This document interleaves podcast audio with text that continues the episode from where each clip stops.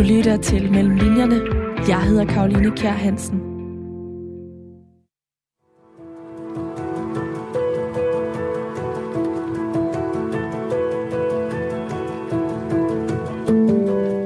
Hun er 6 år. Første gang hendes mor får konstateret brystkræft. Kemobehandlingen gør, at morens hår falder af. Men en operation, den slår kræften ned. På hendes mors hoved vokser der igen hår ud, som langsomt bliver længere og længere, og gør, at det til sidst er så langt og tykt, som før kraft og kemo kom ind i billedet. Men syv år senere, der sker det igen. Kræften den kommer tilbage, og denne gang for at blive. I fem år lever de med kræften som fast følgesvend i familien, før den til sidst turer alt liv ud af hendes mor. Hun er 18 år, da hendes mor dør på et hospice. Det her, det er bare en af mange, mange historier om kræft og sygdom og død, som danskerne oplever. Hvert år, der mister mere end 15.000 danskere livet til kræft. Men det her, det er ikke en historie om at få kræft, men en historie om at være en meget nær pårørende til en kræftramt. Og det er din historie, Vilma Sandnes Johansson. Velkommen til Mellem Linjerne. Tak skal du have. Mellem linjerne, det er programmet her på Radio 4, hvor jeg, Karoline Kjær Hansen, taler med Danmarks væsentligste forfattere om alle de forberedelser og oplevelser, der lå før deres bøger, de kunne skrives.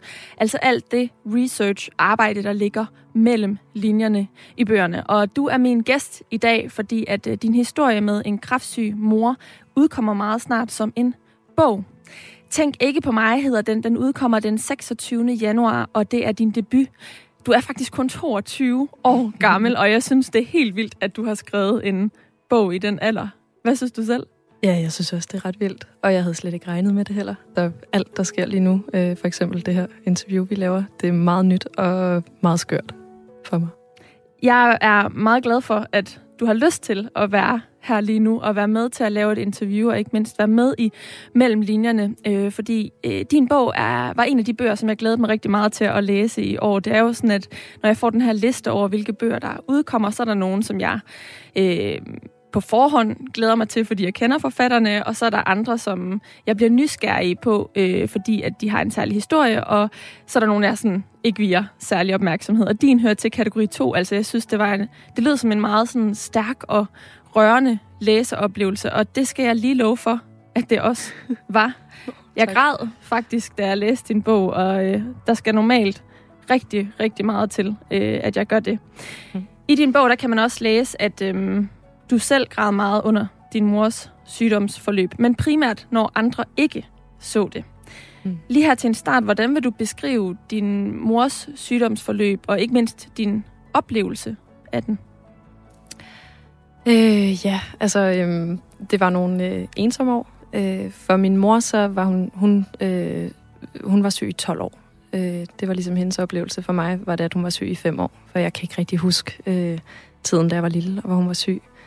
Øh, så hun blev syg der, da jeg var 13, øh, lige da jeg skulle til at være teenager, og det hele skulle handle om mig. Øh, og det er jo kæmpe, altså det er jo clasher jo totalt meget, det her kraft og død med, med teenage, og man skal blomstre og have det sjovt. Øh, og der er jo ikke særlig meget plads til at tale om de her ting, øh, generelt i vores samfund, øh, men særligt også, når man er 13 og går i 7. klasse. Der er jo ikke nogen, der har et sprog for sorg, øh, og, og ventesorg, som øh, jeg har fundet ud af, det hedder senere hen, øh, når man er pårørende ting, der skal dø, så man ligesom venter på døden. Øh, så det var nogle ensomme år, øh, med enormt meget berøringsangst. Og så var det selvfølgelig også nogle hårde år, fordi at sygdom er hårdt. Øh, det er hårdt at være pårørende til en, der har smerter.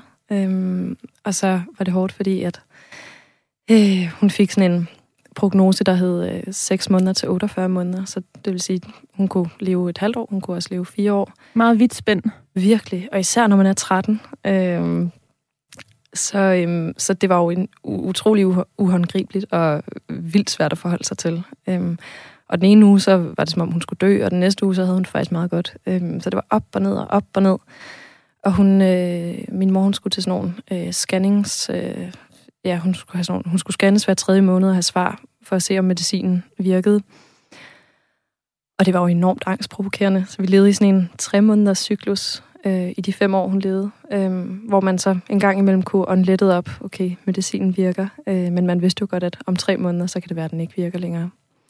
Så altså ensomt, stille, øh, frygt, øh, øh alle mulige dårlige ord. øh, samtidig så havde jeg også et enormt godt forhold til min mor. Øh, øh, jeg er enebarn, og det var bare også to meget tid. Og har haft en rigtig god barndom, hvis man ser bort fra det med den døende mor. Øhm, så, øhm, så der har også været rigtig mange lysestunder. Øhm, ja. Ja. Din mor øhm, er Solvej Sandnes. Hun er dansk musikproducer, sanger og komponist, og der er måske nogen, der vil øh, forbinde hende med indie-rockbandet Love Bites, som hun var en del af i, i slutningen af 1990'erne. Øhm, hun har også lavet musik i eget navn og, og samarbejdet med forfatteren øh, Lone Hørslev om et øh, musikprojekt.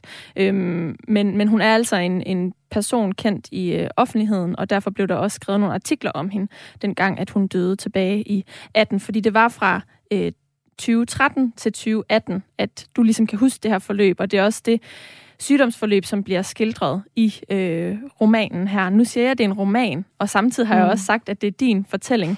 Mm. Hvordan kan vi lige her, inden vi går videre i samtalen, få etableret, hvordan er forholdet mellem øh, virkelighed og fiktion i det her tilfælde? Ja, altså det, jeg synes også, det er vildt svært at snakke om, for skal man sige jeg-fortælleren, eller skal jeg sige øh, mig selv, eller skal jeg. Og jeg-fortælleren hedder jo Vilma. Ja, jeg-fortælleren bærer mit navn, og min mor, øh, eller fortællerens mor hedder også Solvej, som min mor hed.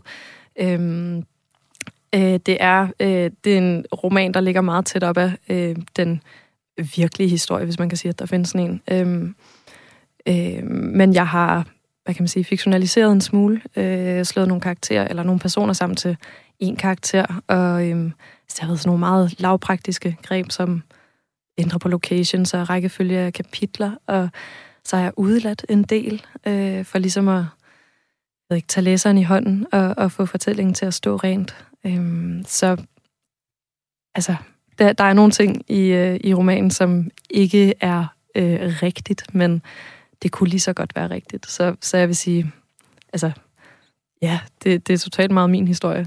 Den bliver i hvert fald også øh, solgt som en, en autofiktiv ja. øh, fortælling. Øhm, og, og noget af det, jeg tog med fra læsningen, øhm, det var i særlig grad den måde, sygdommen påvirkede dig, som jeg fortæller på. Altså fordi det netop er meget... Øhm, det gennemgående er det, at det er rigtig svært for dig at tale om den her sygdom. Det gælder både i 2013, øh, da du får at vide, at sygdommen er, er vendt tilbage. Hun har jo været syg, da du var yngre, øh, noget du ikke husker så meget fra, men da du får beskeden om, at nu er kræften tilbage, øh, så har du helt vildt svært ved at sige det øh, til dine veninder og over i skolen. Mm. Øh, men det er noget, der ligesom følger dig hele vejen igennem, selv når du, da du begynder på efterskole og beslutter dig for, at du vil sige det, så har du stadigvæk svært ved at, øh, at sige det. Så det var noget af det, jeg i hvert fald som læser øh, virkelig... Øh, det, det gjorde stort indtryk på mig, hvor, hvor svært det var for dig at, at have et sprog for det. Ikke mindst fordi der jo er masser af ord i den her bog, som er et sprog for de oplevelser, øh, mm. du har haft. Og det kunne jeg godt tænke mig at tale mere om, men først så synes jeg lige, at øh, lytterne skal have en fornemmelse af de her passager, hvor det virkelig kommer til udtryk, at du har svært ved at tale om det, der, der sker. Og jeg har fundet en passage på side 100. Ja, side 100. Lækkert. Mm. Og det skal vi måske lige sige er en af de sådan øhm, prosa tekster, der er. Øh, der er sådan kronologisk fra 2013 til 2018, øh, er der ligesom nogle, nogle, nogle forskellige scener fra alle de år i en kronologisk øh, rækkefølge. Øh, mm. Men derimellem er der også nogle, øh, nogle andre teksttyper, eksempelvis et dagbogsspor, og så er der også et øh, morbogsspor, mm-hmm. fordi du får øh, sådan en bog, da din mor dør, som du kan skrive tanker ned omkring. Så det er ligesom et sådan helt nutidigt øh, perspektiv mm. øh, på, øh, på, på situationen. Og så er der også sådan et brev, din mor har skrevet, som, som følger.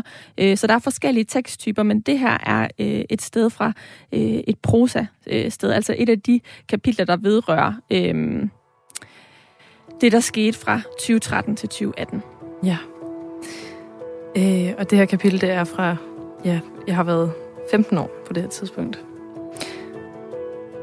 Stærk da vi ankommer til pappas landsted, sætter mor sig i havemøblerne på bussens terrasse, så snart hun kan komme til det. Hun har bundet sit hoved ind i et mønstret tørklæde, og man kan sagtens se, at hun har kraft.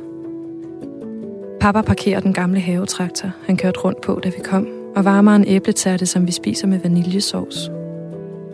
Jeg siger ikke så meget, lytter bare til deres snak. Papa fortæller om en konspirationsteori, som mor synes er latterlig. Vi griner. Så snakker de om en mirakellæge fra Frankfurt, Dr. Vogel, som måske kan forlænge mors liv, men han koster mange penge. Papa siger, at han gerne vil betale for den første behandling. Jeg synes, du er et helt vildt stærkt menneske, står der i en af de beskeder, som mine klassekammerater skrev i en notesbog til dimissionsfesten. Du er en af de stærkeste i denne klasse, står der i en anden. Jeg kan godt regne ud, hvorfor de synes, jeg er stærk, men det undrer mig. Er jeg stærk, fordi jeg ikke har sagt et ord? Er jeg stærk, fordi jeg ikke har grædt foran dem? Er jeg stærk, fordi jeg aldrig har bedt om hjælp? Skal jeg virkelig roses for det? Jeg vil ønske, de kunne se mig græde. Jeg vil ønske, at jeg turde skabe mig ligesom Sille. Jeg vil ønske, de kunne se, at jeg er alt for svag, ikke stærk til at bede om hjælp. Skal vi gøre en lidt den tød? spørger papa. Han spørger kun mor, for det er ikke sikkert, at hun har kræfter til at gå i modsætning til mig, som har kræfter til alt. Mor vil gerne. Æbletærten har givet hende energi. Jeg holder mig bag mor og pappa, mens vi går rundt om kalkbrud, der ligger i nærheden. Det er hvidt og gult, og der er revner i stenene. Kalken smuldrer, når man rører ved det. Det er smukt og skræmmende på samme tid. Tak, Vilma Sandnes Johansson. Det er jo helt tydeligt, at du har svært ved at tale om det, og undre dig over, at du har svært ved at tale om det, og undre dig over, at andre ikke undrer sig over, at du har svært mhm. ved at tale om det. Hvorfor havde du svært ved at tale om den her sygdom, mens den stod på? Oh, altså, det tror jeg, der er helt vildt mange grunde til, men jeg, øh, man kan måske starte med, øh, altså da jeg var lille, og min mor var syg, øh, så var det ligesom den her succeshistorie øh, med, at hun blev syg, og så blev hun rask. Øhm, og det kan jeg huske, at jeg i årene efter, øhm, det, det fortalte jeg ofte til folk, at når min mor har haft kræft, og så blev hun rask igen, og det var en historie, folk godt kunne lide at høre. Øhm, og det er også den historie, man på en eller anden måde er vant til at høre. Vi, vi kan bedst lide at tale om de der gode historier. Øh, og jeg tror, at vi sådan, i Danmark generelt, vi er meget, meget stolte af vores sådan, hygge, øh, danish hygge, og øh, helst gerne vil sådan, bevare den gode stemning, og ikke være til besvær og whatever, alt sådan noget. Øhm, og jeg tror, det kom bag på mig, eller jeg havde slet ikke regnet med, at det var det, der ville ske, at min mor skulle få kraft igen. Øhm, at nu var der var ligesom ikke nogen øh, solskinshistorie det her. Hun skulle dø, og det var bare kun dårligt. Altså, der var ikke noget øh, håb at holde fast i. Eller, det var, øhm, så jeg, jeg ved ikke, jeg tror, vi generelt er ret dårlige til at tale om ting uden, uden at sådan prøve at finde en eller anden positiv vinkel på det. Men det der med bare at tale om noget, som bare dårligt, og lade det være dårligt, øhm, det, det, det var jeg ikke vant til. Det kunne jeg ikke finde ud af. Øh, og jeg, altså, og så er det jo også bare skidesvært at tale om, at ens mor skal dø. Det gør ondt. Øh, men jeg var, jeg var rigtig, rigtig øhm, opmærksom på, at jeg ikke ville skabe dårlig stemning. Så de gange, jeg talte med mine venner om det, de meget få gange, vi talte om det, så var det altid med sådan en... Øhm, og nu behøver vi ikke at tale om det længere. Det, det er okay, og, og jeg er helt okay. Det er så fint, og I skal ikke tænke på mig. Øhm, som, ja, som der er titlen. Ja. øhm, så og fordi at jeg var så dårlig til at, eller jeg ved ikke, om jeg var dårlig, jeg, jeg gider ikke at sådan være sur på mig selv over det, fordi jeg synes ikke, det er min egen skyld. Men, men øh, at, at jeg havde svært ved at tale om det, gjorde også, at mine venner havde svært ved at tale om det, fordi altså, selvfølgelig tænkte de på det, og selvfølgelig ville de jo gerne være der for mig, men de vidste bare ikke, hvordan. Og jeg vidste heller ikke, hvordan. Jeg tror bare, at vi, øh, vi lærer jo ikke at tale om de her ting. Der er ikke nogen, der, der, der lærer os, hvordan vi skal håndtere det. Der var heller ikke nogen forbilleder hen på skolen, som lærerne, eller som, som ligesom var nogle gode eksempler, der holdt møder og spurgte os, hvordan vi havde det. Så vi kørte ligesom bare derud af og lavede de sjove ting, øh, vi nu skulle lave, fordi vi var 13, 14, 15. Det her med, at hun er hel, øh, uhelbredeligt syg, øh, det, det var klart også et aspekt, som gjorde indtryk på mig. Altså sådan det her faktum med, at der er ikke noget positivt ved det, mm. eller der kan være positive situationer ved det, som du selv siger, i form af lyspunkter og, og gode oplevelser, men du, du har i det her tilfælde hele tiden levet med bevidstheden om, at der er en slutdato. Mm. Og det i sig selv er tungsindigt. Og der er en, en scene, øhm, hvor at, øh, en af dine venner, jeg mener det er fra efterskolen, siger noget, eller men hun skal jo nok blive rask, eller det skal nok mm. gå, og, og så tænker du inden dig selv, det kommer jo ikke til at gå, fordi hun skal dø, og du ved godt, hun måske ikke dør i morgen, men du ved, mm. hun dør på et eller andet øh, tidspunkt. Så den her øh, bevidsthed om døden, at bære rundt på den mm. hele tiden, øh, det var i hvert fald en, en ny indgangsvinkel øh, til at forstå, hvordan øh, det er uden at jeg tror, jeg forstår det 100 procent. Men i hvert mm. fald fik jeg nogle nye perspektiver på, på det at være et menneske, der går rundt med den øh, bevidsthed. Men hvad vil du ønske, at folk havde sagt, i stedet for eksempelvis, det skal jo nok gå, eller prøve at have den her positive indstilling til det? Mm. Hvad, hvad, vil du have, hvad vil du ønske, at dine din venner og lærere og øh, andre omkring dig havde gjort i stedet for? Øh, jeg tror bare anerkende, øh, at det var noget lort. Øh, det, det var noget, der skete ret ofte, at folk øh, ikke ville eller ikke havde forstået, at, øh, at min mor faktisk skulle dø. Det var virkelig tit, at de sådan, Nå, men øh, der kommer der sikkert en mirakelkur eller et eller andet. Øhm, og det var jo med de bedste intentioner. De ville jo bare ikke tage håbet fra mig, og, og de ville bare gerne have, at jeg havde det godt. Men, øhm, men det føles så ensomt øh, at, være, at sidde tilbage der og være den eneste, der forstår, at nej, der kommer ikke nogen mirakelkur. Hun kommer til at dø. Øhm, så jeg tror, at og det var ikke, altså det er umuligt at sige noget, noget, der kan hjælpe i sådan en situation, men det, de gange, øh, hvor jeg oplevede, at nogen, altså folk sagde godt, eller sådan, at, jeg, det var, at folk var gode omkring mig, det var, når de anerkendte, at det bare var en dårlig situation, og anerkendte, at det var svært. Øhm, jeg havde en dansk lærer i gymnasiet, Nana hed hun, øhm, som var helt fantastisk, og hun, øhm, det var første gang, jeg oplevede fra en lærer, øh, det der med at vi, vi havde sådan en samtale, DHO-opgave skulle jeg skrive, og, og jeg fortalte hende bare, for det, det faldt sammen med, at min mor fik rigtig, rigtig dårlige svar og blev enormt syg. Og, øh, og det fortalte jeg hende til sådan en vejledningssamtale. Og så begyndte hun at græde. Og det var jeg slet, altså, det havde jeg slet ikke oplevet før. Øhm, og hun var bare helt vildt sød. Og øhm, jeg tror det der med, hun sagde slet ikke noget med, at øh, jeg håber, det bliver bedre. Altså hun var bare, det var bare, det var, det var virkelig, øhm, det, det satte jeg virkelig meget pris på, at, at hun, jeg følte virkelig, hun anerkendte, at det bare var en fucking dårlig situation.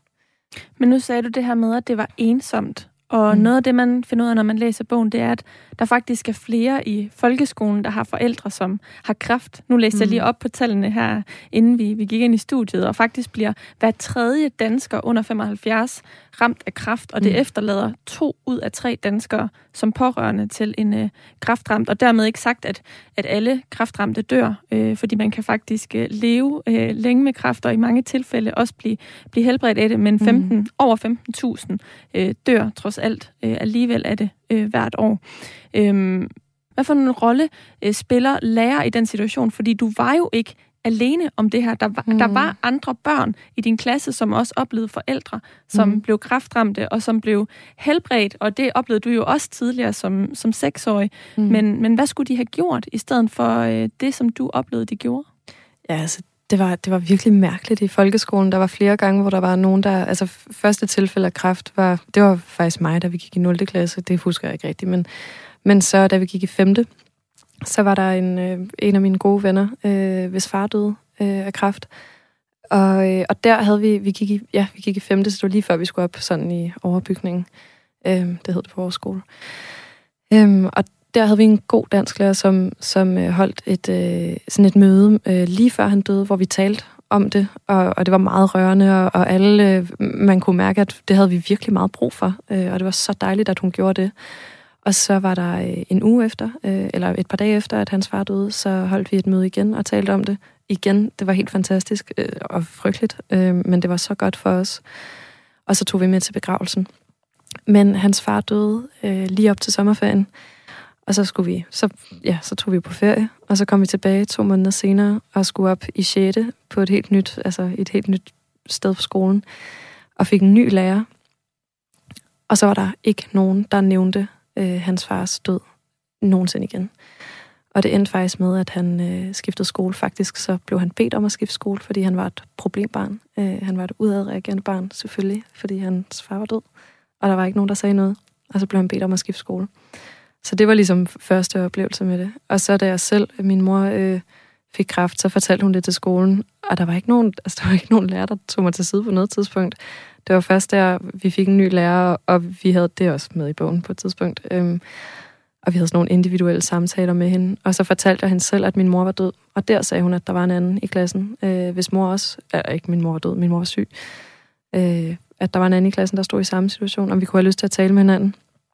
Eller om jeg kunne have lyst til det, hvis han også havde lyst.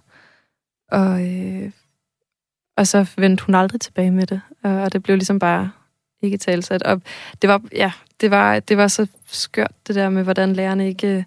Der var selvfølgelig den gode dansklærer i femte, men det virker bare som om, at det ikke er noget, de lærer på, øh, på lærerseminariet. Altså, at det er ikke noget, de bliver uddannet i, at hvad de skal gøre i sådan en situation. Og det er jo enormt ærgerligt, fordi der, der er altid nogen i en eller anden klasse, der mister en, øh, en, en person tæt på dem. Der er altid nogen, der har en syg forælder. Det er jo skide mange, der har kraft eller alle mulige andre sygdomme, som du også sagde før. Øhm, så det er ret vildt, hvor ensom man skal være i det. Og der er også noget med, at øhm, det er svært.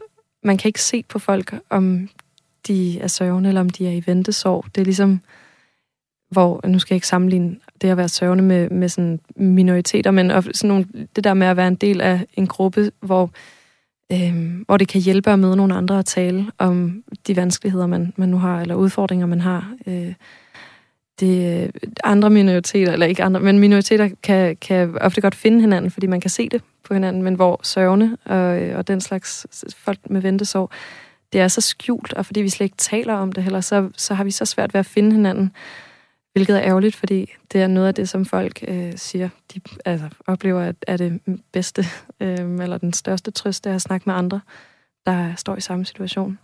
Som pårørende øh, til en kraftramt er der jo... Øh mange tiltag øh, uden for skoler. Altså man kan, man, øh, kraftens bekæmpelse kan mm. man blive indlemmet i, og så kan man få, øh, få hjælp den vej igennem. Men mener du i virkeligheden, at øh, meget af det her øh, også bliver burde blive håndteret på, på folkeskoler eksempelvis, altså være, være integreret del der, mm. så man ikke nødvendigvis skal uden for skolens grund for at øh, få hjælp til, til den slags? Ja, helt vildt meget. Så vil det også blive meget mere normaliseret. Altså sådan det der med, at i stedet for at en, der er pårørende eller sørgende, skal væk fra skolen og ind et nyt sted, hvis man kunne få det, flytte det hele sådan ind på skolen, som jo på en eller anden måde er ens eget hjem, og de andre elever kunne få lov at se det også, så ville det jo ikke blive lige så uhyggeligt. Øhm, det der med, at man flytter flytter døden ud til andre centre og steder. Øhm, det tror jeg ikke er en god ting. Det er selvfølgelig fantastisk, at der findes nogle tiltag og, og tilbud, men, men, øh, men jeg synes helt klart, det burde være en del af folkeskolen, og ligesom alle mulige andre ting også burde være en, øh, noget, man lærte i folkeskolen, eller talte om i folkeskolen. Dig, der lytter med, du lytter til Mellem Linjerne, det er programmet her på Radio 4, hvor jeg taler med nogle af Danmarks væsentligste forfattere om alt det arbejde, der ligger mellem linjerne i bøgerne. Og i dag der er det bogen Tænk ikke på mig af Vilma Sandnes Johansson.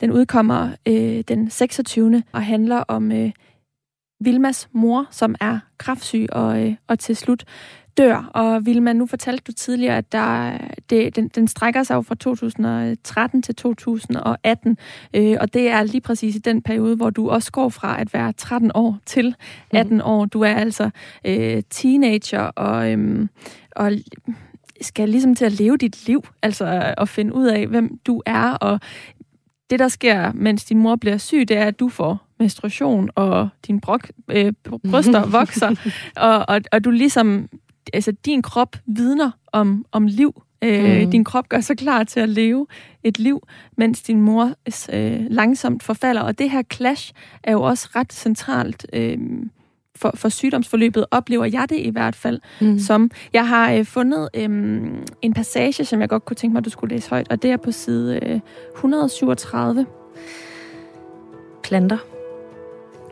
Mor har ønsket sig planter i fødselsdagsgave, så nu står de over det hele. Hun savner liv i lejligheden, siger hun. Jeg får dårlig samvittighed, for jeg ved, at det er mig, hun savner.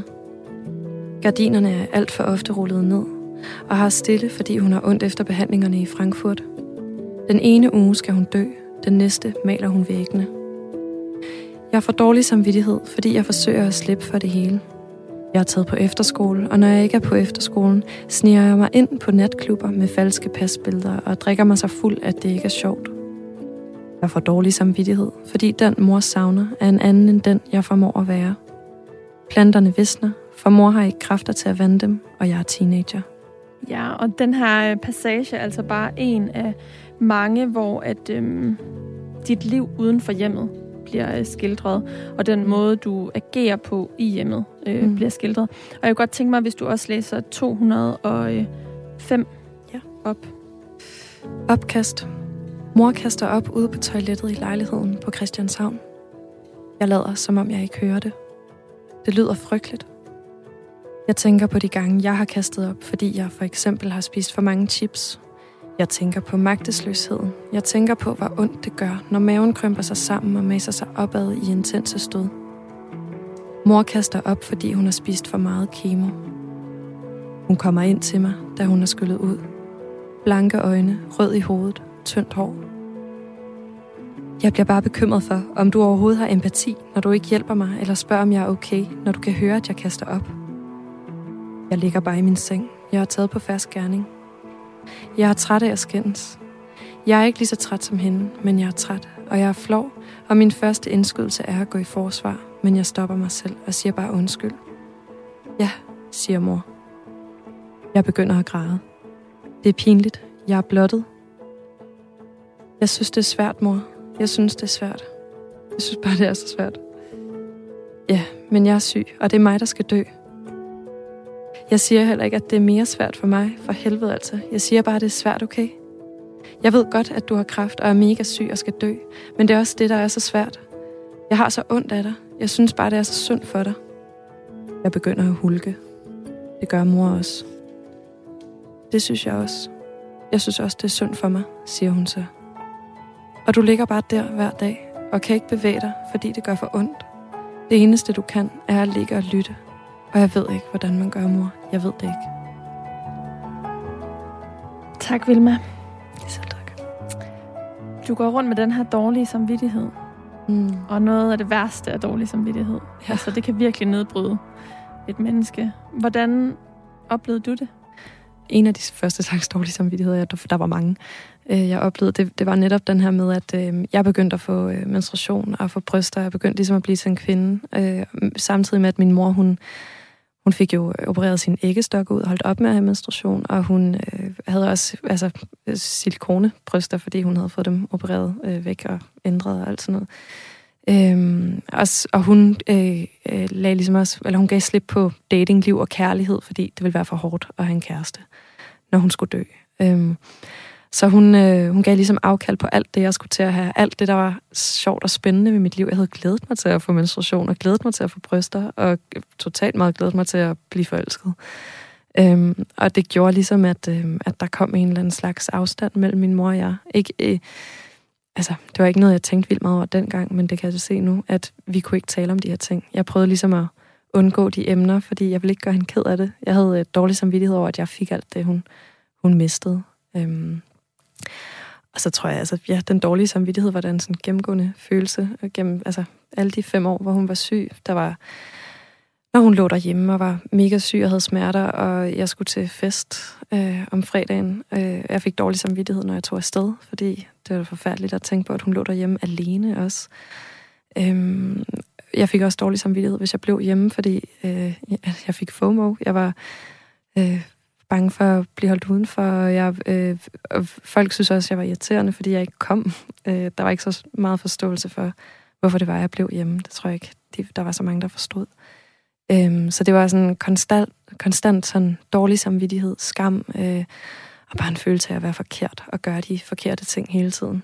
Øh, ja, og så totalt meget det her øh, opkast-afsnit. Det var et af de kapitler, der var allersværest at skrive, fordi jeg har da skammet mig vildt mig over, at jeg ignorerede, at hun kastede op. Hun beder jo også meget direkte om din hjælp. Altså pådytter ja. dig nærmest skam, og det var også noget af det, der gjorde, at det var hårdt for mig at læse, eller jeg forestiller mig, at det må virkelig have været svært at skrive den del af historien frem, også der mm. handler om, at, øhm, at du også ja, svigtede mm. i visse situationer, på grund ja. af den situation, du var i som teenager. Ja, ja jeg tror klart, at altså, de afsnit, hvor, hvor, hvor jeg er en hvad kan man sige, dårlig datter, og hvor min mor er en dårlig mor. Altså sådan, øh, hun, det var måske heller ikke øh, mega sødt af hende at sige, at hun var bange for, at jeg overhovedet havde noget empati. Altså, og der er også andre afsnit, hvor hun... Øh, eller, ja, det er jo du glemmer at gå med hunden på et tidspunkt Jeg glemmer også, at gå altså. med hunden, og hun bliver mega sur på mig, og det kan jeg jo godt forstå. Altså, det var jo bare en vildt vanskelig situation, og hun havde også noget med, at hun nogle gange, hvis jeg var sådan lidt for naiv, eller lige et øjeblik glemte noget med tid og nogle tidshorisont, og jeg spurgte om, skal vi ikke gøre det her til sommer, eller sådan noget, så kunne hun godt blive lidt hård, og sådan, om jeg lever jo ikke til sommer. Øhm, så der var også nogle ting, hvor, hvor jeg, altså jeg vidste, da jeg skrev det, at der vil klart være nogle mennesker udefra, som, som vil tænke, at ej, det var da ikke i orden, at hun sagde sådan. Og der vil også klart være nogle mennesker, der, der kommer til at læse det og tænke, at, tænke, at en, en datter kan opføre sig sådan over for sin mor. Øhm, men det var også lige netop de afsnit, der var vigtigst for mig at skrive, øh, selvom det var svært, fordi det er jo det, der gør det til en, en bog, der på en måde er interessant. Altså det ville jo være kedeligt og, og uinteressant og ikke særlig relevant, hvis, hvis jeg kun tog det gode med. Jeg synes også, den gør den, det gør det også, øhm, det gør den også realistisk, fordi at mm. selvom ens mor ikke er syg, så har man jo også lignende skænderier yeah. øh, eller kontroverser. Yeah. Altså, de er jo en integreret del af det mm. at være teenager. Mm. Ja, fuldstændig. Og det var også... Altså, bare fordi hun var syg, holdt hun jo ikke op med at være irriterende. Hun var da pisseirriterende. det synes man jo altid, at ens mor er, ikke? Øhm, så, og det, ja, det tror jeg også, at øh, der er mange, der har været sådan lidt måske ikke chokeret, men bare sådan, nå hold da op, ej, øh, tænk, du kan tale sådan om din mor, eller hvis jeg, jeg kan stadig komme i tanke om et eller andet, min mor har gjort, og så kan jeg blive sådan helt teenage-agtig sur, sådan, ej, hun var da også bare en bitch, eller sådan noget, hvor, øh, altså, kærligt ment selvfølgelig, men det, jeg tror, det er enormt vigtigt for mig at have det, at have det med. Jeg synes ikke, det er færre over for, for hende heller, hvis jeg bare malede sådan et engleportræt af hende, som man jo ofte kommer til at gøre med døde mennesker, hvilket også er fint, men mm. det er bare ikke det, jeg vil. Ja. Nu siger du det her med, at det var nogle vigtige kapitler at skrive frem, øh, for mm. at bogen også bliver interessant. Altså, hvad er ligesom din intention med, øh, med bogen? Øhm, altså, det startede jo med øh, at være en bog, som slet ikke blev skrevet med henblik på udgivelse. Øhm, det, start, det hele startede med, at jeg bare skrev en liste over alle de minder, jeg kunne komme i tanke om øh, med min mor, fordi jeg var bange for, at jeg var ved at begynde at glemme hende. Jeg var øh, 19 år gammel, og øh, lige blevet student og havde en masse tid. Og det er så også vigtigt at vide, at det jo, altså, skriften har ikke været en del af dit, det her sygdomsforløb, eller en Ej. måde at bearbejde det på. Det er noget, der er kommet post ja, ja. Øh, kraft og død. Totalt meget. Det var, jeg havde aldrig øh, skrevet før. Jeg havde øh, altså, skrevet skoleopgaver og dagbog. Men øh, altså, jeg har aldrig nogensinde forestillet mig, at jeg skulle blive forfatter. Det, det, altså, det er også derfor, det føles så skørt at lave det her lige nu, ikke? Eller sådan. Men, øhm, Men du er god til det. Nå, tak.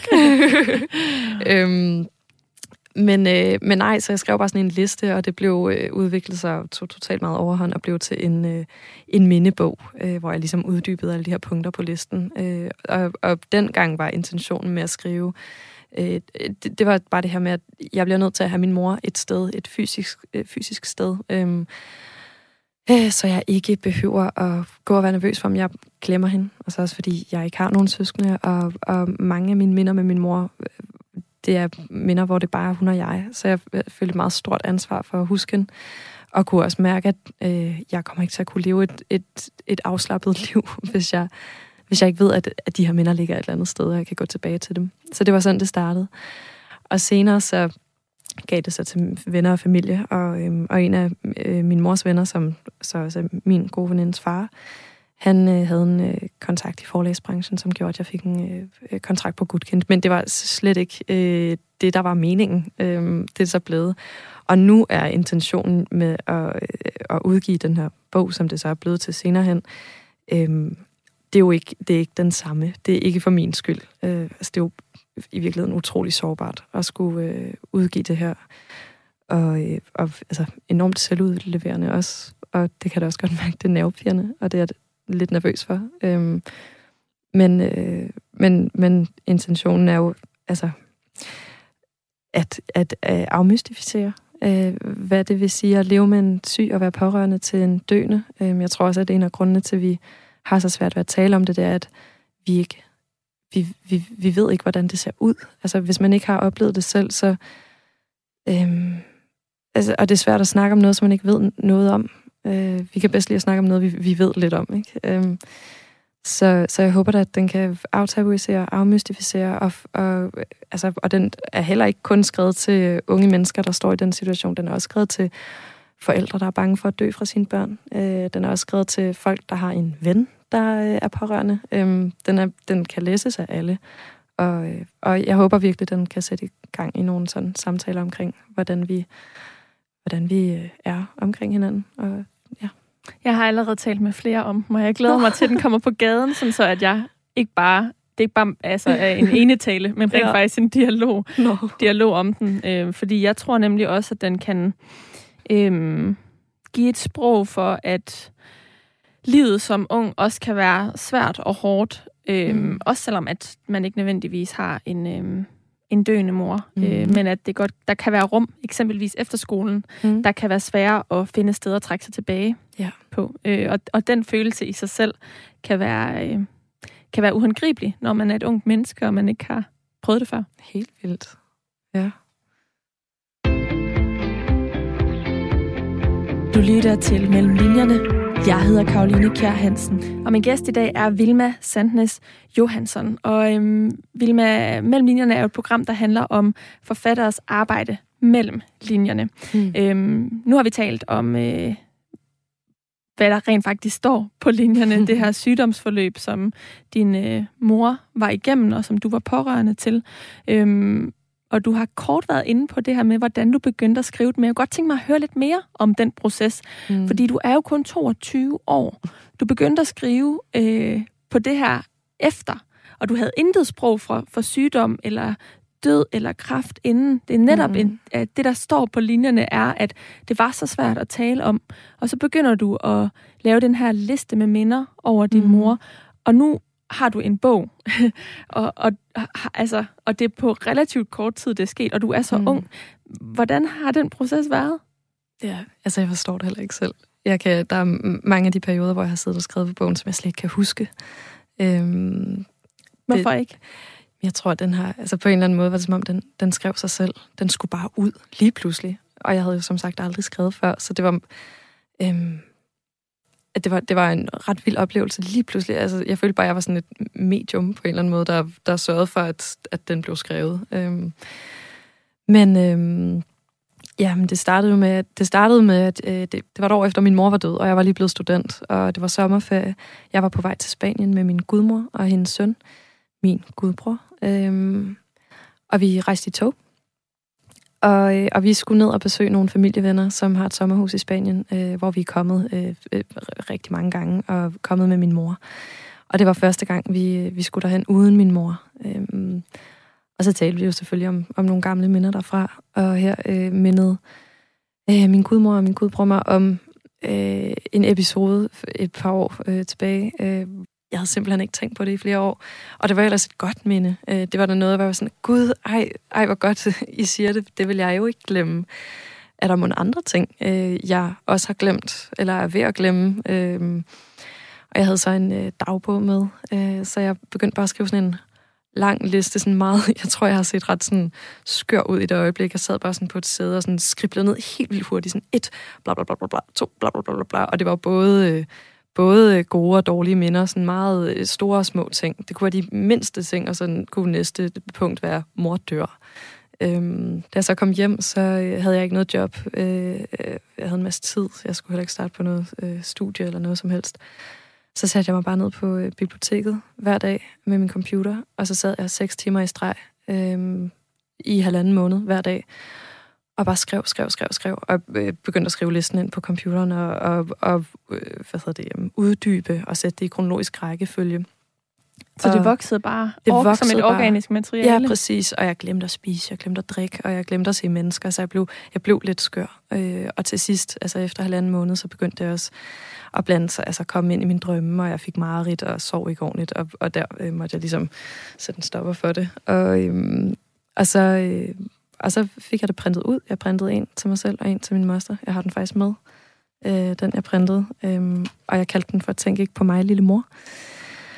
Vil du ikke øh, beskrive, hvordan det, det, du viser mig nu, ser ud? Jo, øh, det er sådan en meget, meget simpel... Øh, bog. Altså, jeg ved ikke, om det har noget navn, men det er ligesom bare sådan hvid og sort. Øh... Det ligner sådan et øh, kompendium, man får på universitetet, ja, men så er det bare et mindre format. Ja, præcis. En ret sød lille størrelse. Øh, bare sådan hvid forside, og der står bare med sådan Times New Roman skrifttype, tænk ikke på mig, lille mor. Så har jeg så skrevet lidt sådan øh, en dato på med noget øh, tus. Og så er den, jeg ved den, den blev sådan noget 200, 220 af de her små af fem sider lang, men ret stor skrifttype indeni. Øhm, men ja, så den, så den fik jeg printet ud, og det var vigtigt for mig sådan, at få det her produkt. Jeg tror også, generelt kan jeg godt lide produkter, ikke skønhedsprodukter, eller jo, kan jeg, men, men bare, øh, jeg kan godt lide det, når, når man får noget i hånden. Men jeg printede en til min moster og en til mig selv, og så satte jeg mig, og så, nu bladrer jeg lige igennem bogen, der er alle mulige små sådan rettelser her, som jeg har skrevet med tus. Og, øhm, Men umiddelbart, når du lige bladrer igennem nu, så ligner det jo afsnit. Ja, altså, øh, der er i den øh, rigtige bog, har jeg lyst til at sige. Ja. Tænk ikke på mig. Ja, øh, hvad hedder det? Det er meget af det er også øh, det samme. Der er rigtig meget i den her mindebog, som er blevet pillet ud. Den altså har afsnit på samme måde, som, som romanen har. Øhm, men jeg, øh, min far, han har læst med helt fra starten. Han fik også et eksemplar, og øh, har også læst øh, det, den er blevet til i dag. Og han siger, at det er cirka 10 procent, der er det samme. Øhm, oh, det, det var faktisk ikke meget. Nej, det er ikke så meget. Øhm, men hele grund, sådan øh, kan man sige, historien er den samme. Øh, jeg tror bare, jeg har pillet nogle ting fra, og så taget nogle andre ting med. Det er ikke fordi, at, at det så er 90% løgn mm. øh, i den nye. Det er mere, at det er nogle andre ting. Men hvordan var processen så med de resterende 90% af bogen? Ja, det, altså øhm, arbejdet med dem? Jamen, det, øh, det, det startede for et år siden, i januar 2021, og så blev det igen uh, totalt crazy intenso, hvor jeg bare sad øh, altså en hel weekend også om natten og bare skrev og skrev og skrev og skrev og skrev og skrev og skrev. Og, øh, og det var ret, altså det, det er vildt, den der følelse. Når man, det har jeg jo ikke prøvet før. det er nok ret almindeligt sikkert for andre forfattere, men det hele er jo så nyt for mig. Men bare at øh, bare blive revet fuldstændig med. Og øh, ja, og så var det ligesom bare sådan frem og tilbage, frem og tilbage. Og af en eller anden grund, så var det enormt nemt for mig at, øh, at, at holde sådan en professionel distance til, til, til manuskriptet. At det var ikke et problem for mig at skrive det om, at fiktionalisere og ændre lidt på historien. Nu var det heller ikke sådan de største ændringer, men, men øhm, det, jeg synes bare, det var sjovt. Og jeg tror måske også, der er noget med det her med, det er jo en vis form for magt, man sidder med, når man skriver. Man kan bestemme det hele. Og jeg følte da også, at, at når der, der er nogle kapitler, øh, som jeg har fundet på, altså hvor jeg laver nogle ting med min mor, som jeg ikke har lavet i virkeligheden, men, men det ligner, så har jeg måske taget en rigtig samtale, vi har haft og puttet det ind et andet sted. Øhm, at det var sådan, det var en enormt fin oplevelse, fordi jeg følte, at at jeg var sammen med hende igen. Det der med, sådan at, ja, det var jo lidt ligesom at dagdrømme på en eller anden mm. måde, og skrive hende frem på en ny måde. Og, øhm, og også virkelig at mærke, gud, jeg kan jo godt huske hende. Jeg ved godt, hvad hun ville have gjort og sagt, eller jeg, det tror jeg, jeg gør. Øhm, jeg kunne mærke hende enormt meget i det. Så ja, frem og tilbage, frem og tilbage, skrive, skrive, skrive, skrive, skrive, og øhm, blive lidt skør, men også have det sjovt. For nylig havde jeg øhm, forfatteren Amalie Langballe med i programmet ja. her. Hun har skrevet øhm, romanen Forsvindingsnummer, som mm. også handler om tabet af en mor. Det er i hvert fald en del af, mm. af romanen. Og det var ikke den, vi talte om. Vi talte om et, et andet projekt, som hun er med i. Øh, men hun sagde øh, i ind, indledningsvis, at øh, hun synes, det havde været så hårdt at skrive en bog, at hvis hun nogensinde gjorde det igen, så ville hun blive glad øh, for ja. det. Men det lyder jo i virkeligheden som om, at det har været altså, nemt for dig, øh, sådan som ja. du øh, umiddelbart fortæller om det her i hvert fald. Ja, det er sjovt. Jeg, jeg talte med Amelie Langball for nogle måneder siden, hvor vi skulle læse op til det samme arrangement. Mm. Eller vi skulle faktisk, ja, netop det her død mor-agtigt. Øh, der var sådan et tema, så vi talte sammen der. Og hvor jeg nem, netop også fik den øh, fornemmelse af, at det havde godt nok været hårdt for hende. Og det forstår jeg virkelig godt. Det har da også været mega hårdt øh, nogle gange øh, at skrive det, men, øh, men jeg har ikke haft samme oplevelse, som hun har haft. Der har måske bare været heldig på mm. en eller mhm. anden måde. Øhm, Når det har været hårdt, hvad har du så gjort? Øh, så har jeg holdt pauser. Øh, selvom det er svært. Altså, det er svært at holde pauser, når man er så godt i gang, men jeg tror også, jeg har en kæreste, øh, som også har holdt lidt øje og sagt, vil man nu, nu sætter du lige ned og drikker noget vand. Øh, og vi går en tur. Øh, og så har jeg da også bare været ked af det. Altså, og så er man jo bare ked af det, og græder lidt, og øh, hvad man nu gør, savner Øhm, det er også en del af det, øh, og det har da klart også været en bearbejdningsproces. Øh, men det har også ikke gjort... Det tror jeg egentlig, det er nok det, jeg synes har været det hårdeste ved det her projekt. Det har været, at jeg...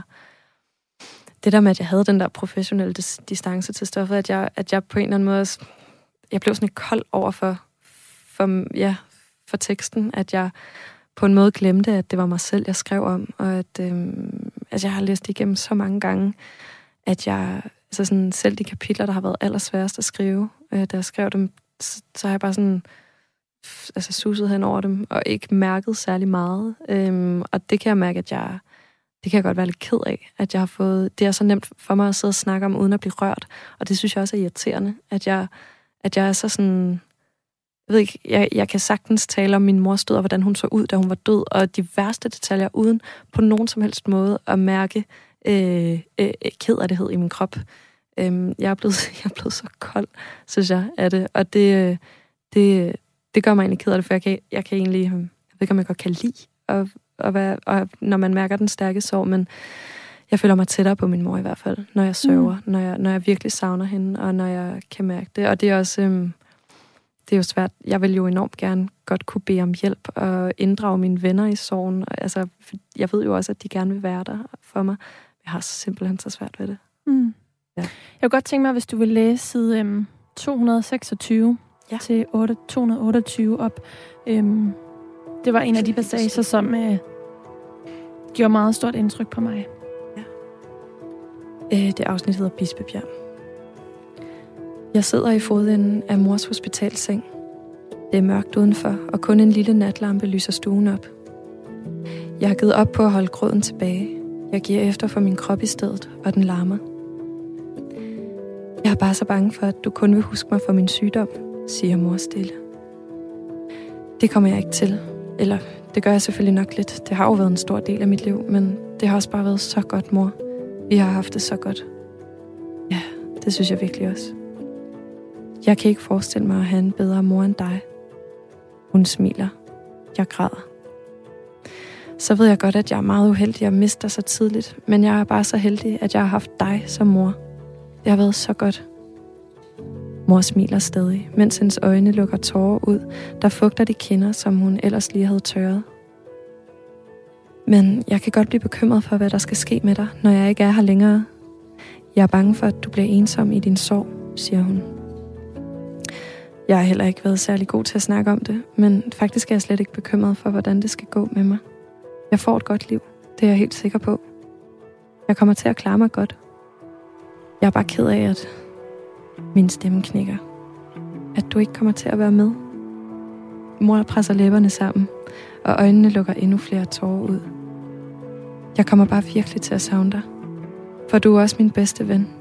Jeg kommer virkelig, virkelig til at savne dig. Ja, visker mor og holder mine hænder. Jeg tror også, du får et godt liv, Vilma. Jeg smiler med fugtige kinder, fugtig hals, fugtigt tøj, fugtigt og smuldret toiletpapir mellem fingrene. Jeg er ret ked af, at du ikke er her, når jeg får børn en dag, siger jeg hest efter noget tid.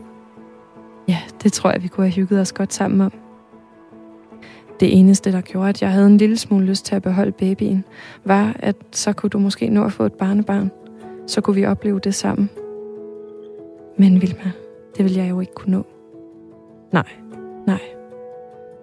Mor ser på mig.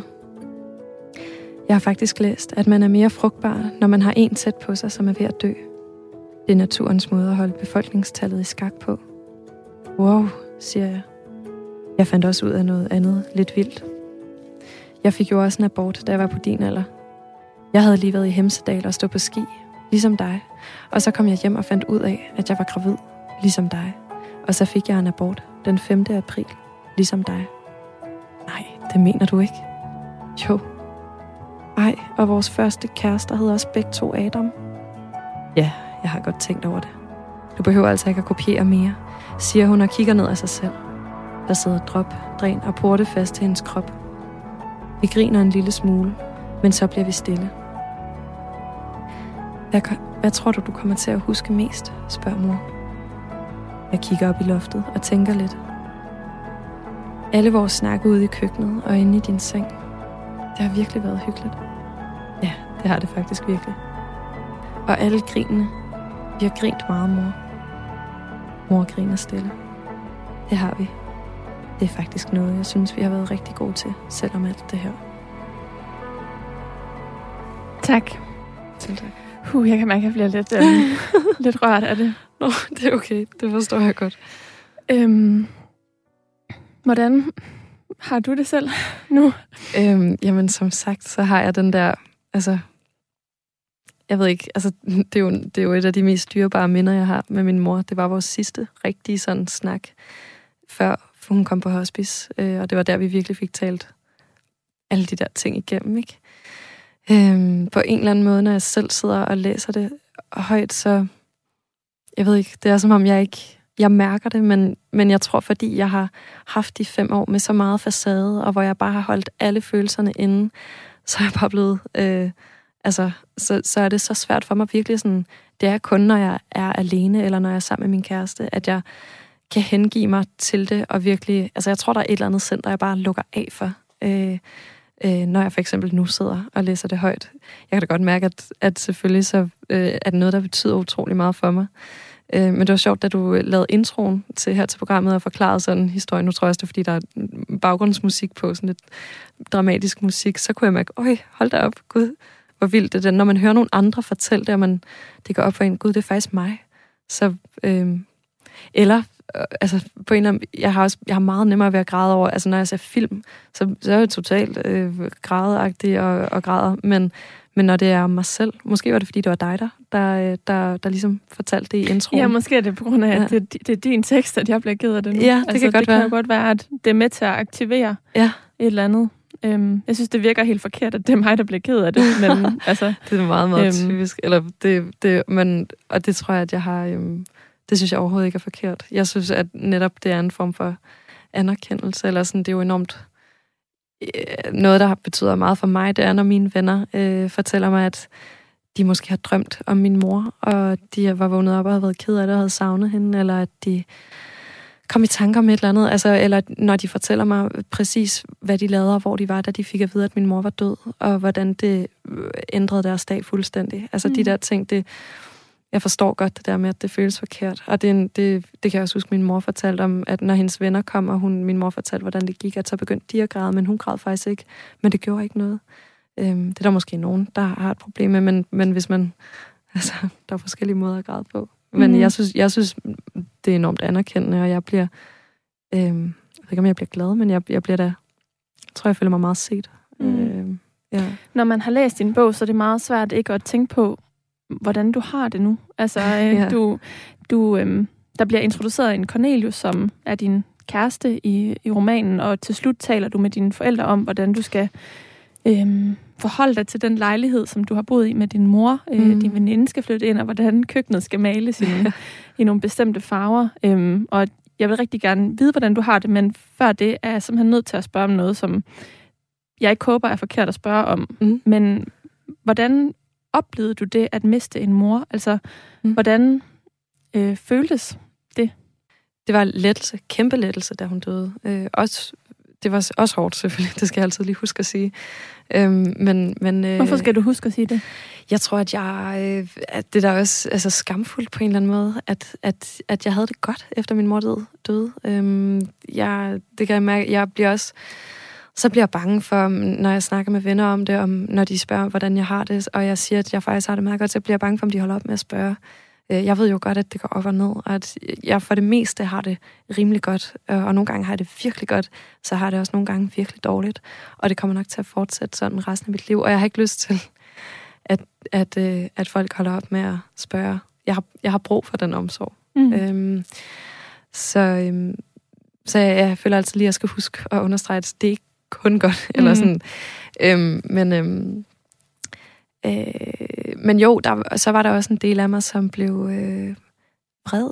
Øh, ikke over, at min mor var død, men vred over, at jeg forstod lige pludselig det her... Øh, at hun... Øh, berøringsangsten, jeg forstod, hvor jeg tror, årene op til min mors død, havde jeg ligesom bare accepteret, at, at vi havde svært ved at tale om det. Accepteret, at det var sådan, det var. Det kan man ikke gøre noget ved. Men, øh, men og da hun døde, og jeg lige pludselig kunne mærke den der omsorg, sådan, den skulle jeg da bare have haft noget før. Og øh, jeg tror, jeg blev sådan lidt øh, fan, fan i voldsk, og begyndte at nævne min mors død i sådan, hvad kan man sige, upassende sammenhæng. Jeg synes ikke, der er nogen sammenhæng, der er upassende til det. Øh, det synes jeg er forkert, men øh, jeg blev bare sådan lidt... Øh, ja, det, det skulle da ikke i orden, det her. Mm. Og øh, det er da også den energi, jeg hvad kan man sige, rider på, når jeg nu skal udgive den her bog, at, mm. At vi bliver nødt til at gøre noget ved det her. Der er så mange, der går rundt i sorg og i ventesorg, og vi kan ikke finde noget at tale om det. Og det, jeg bebrejder ikke nogen, jeg bebrejder ikke mine venner. Det, det forstår jeg godt. Jeg havde også mega svært ved det, og vi bliver bare nødt til at starte et sted. Øh, og jeg håber, at, at, øh, ja, at det er noget, der kan blive bedre med årene. Tak for at give os Tænk ikke på mig til at starte med. Et sted, vi kan starte fra til at tale om død og sorg. Øhm, Vilma Sandnes Johansson, tak fordi du var med i Mellemlinjerne i dag. Tak fordi jeg måtte være med. Og Tænk ikke på mig udkommer den 26. januar på forlaget Gudkendt. Mit navn er Karoline Kjær Hansen. Du har lyttet til Mellem Linjerne, programmet her på Radio 4, hvor jeg taler med nogle af Danmarks væsentligste forfattere om alt det arbejde, der ligger mellem linjerne. Du kan finde hele programmet som podcast på radio4.dk i vores app eller der, hvor du plejer at lytte til podcasts på genhør.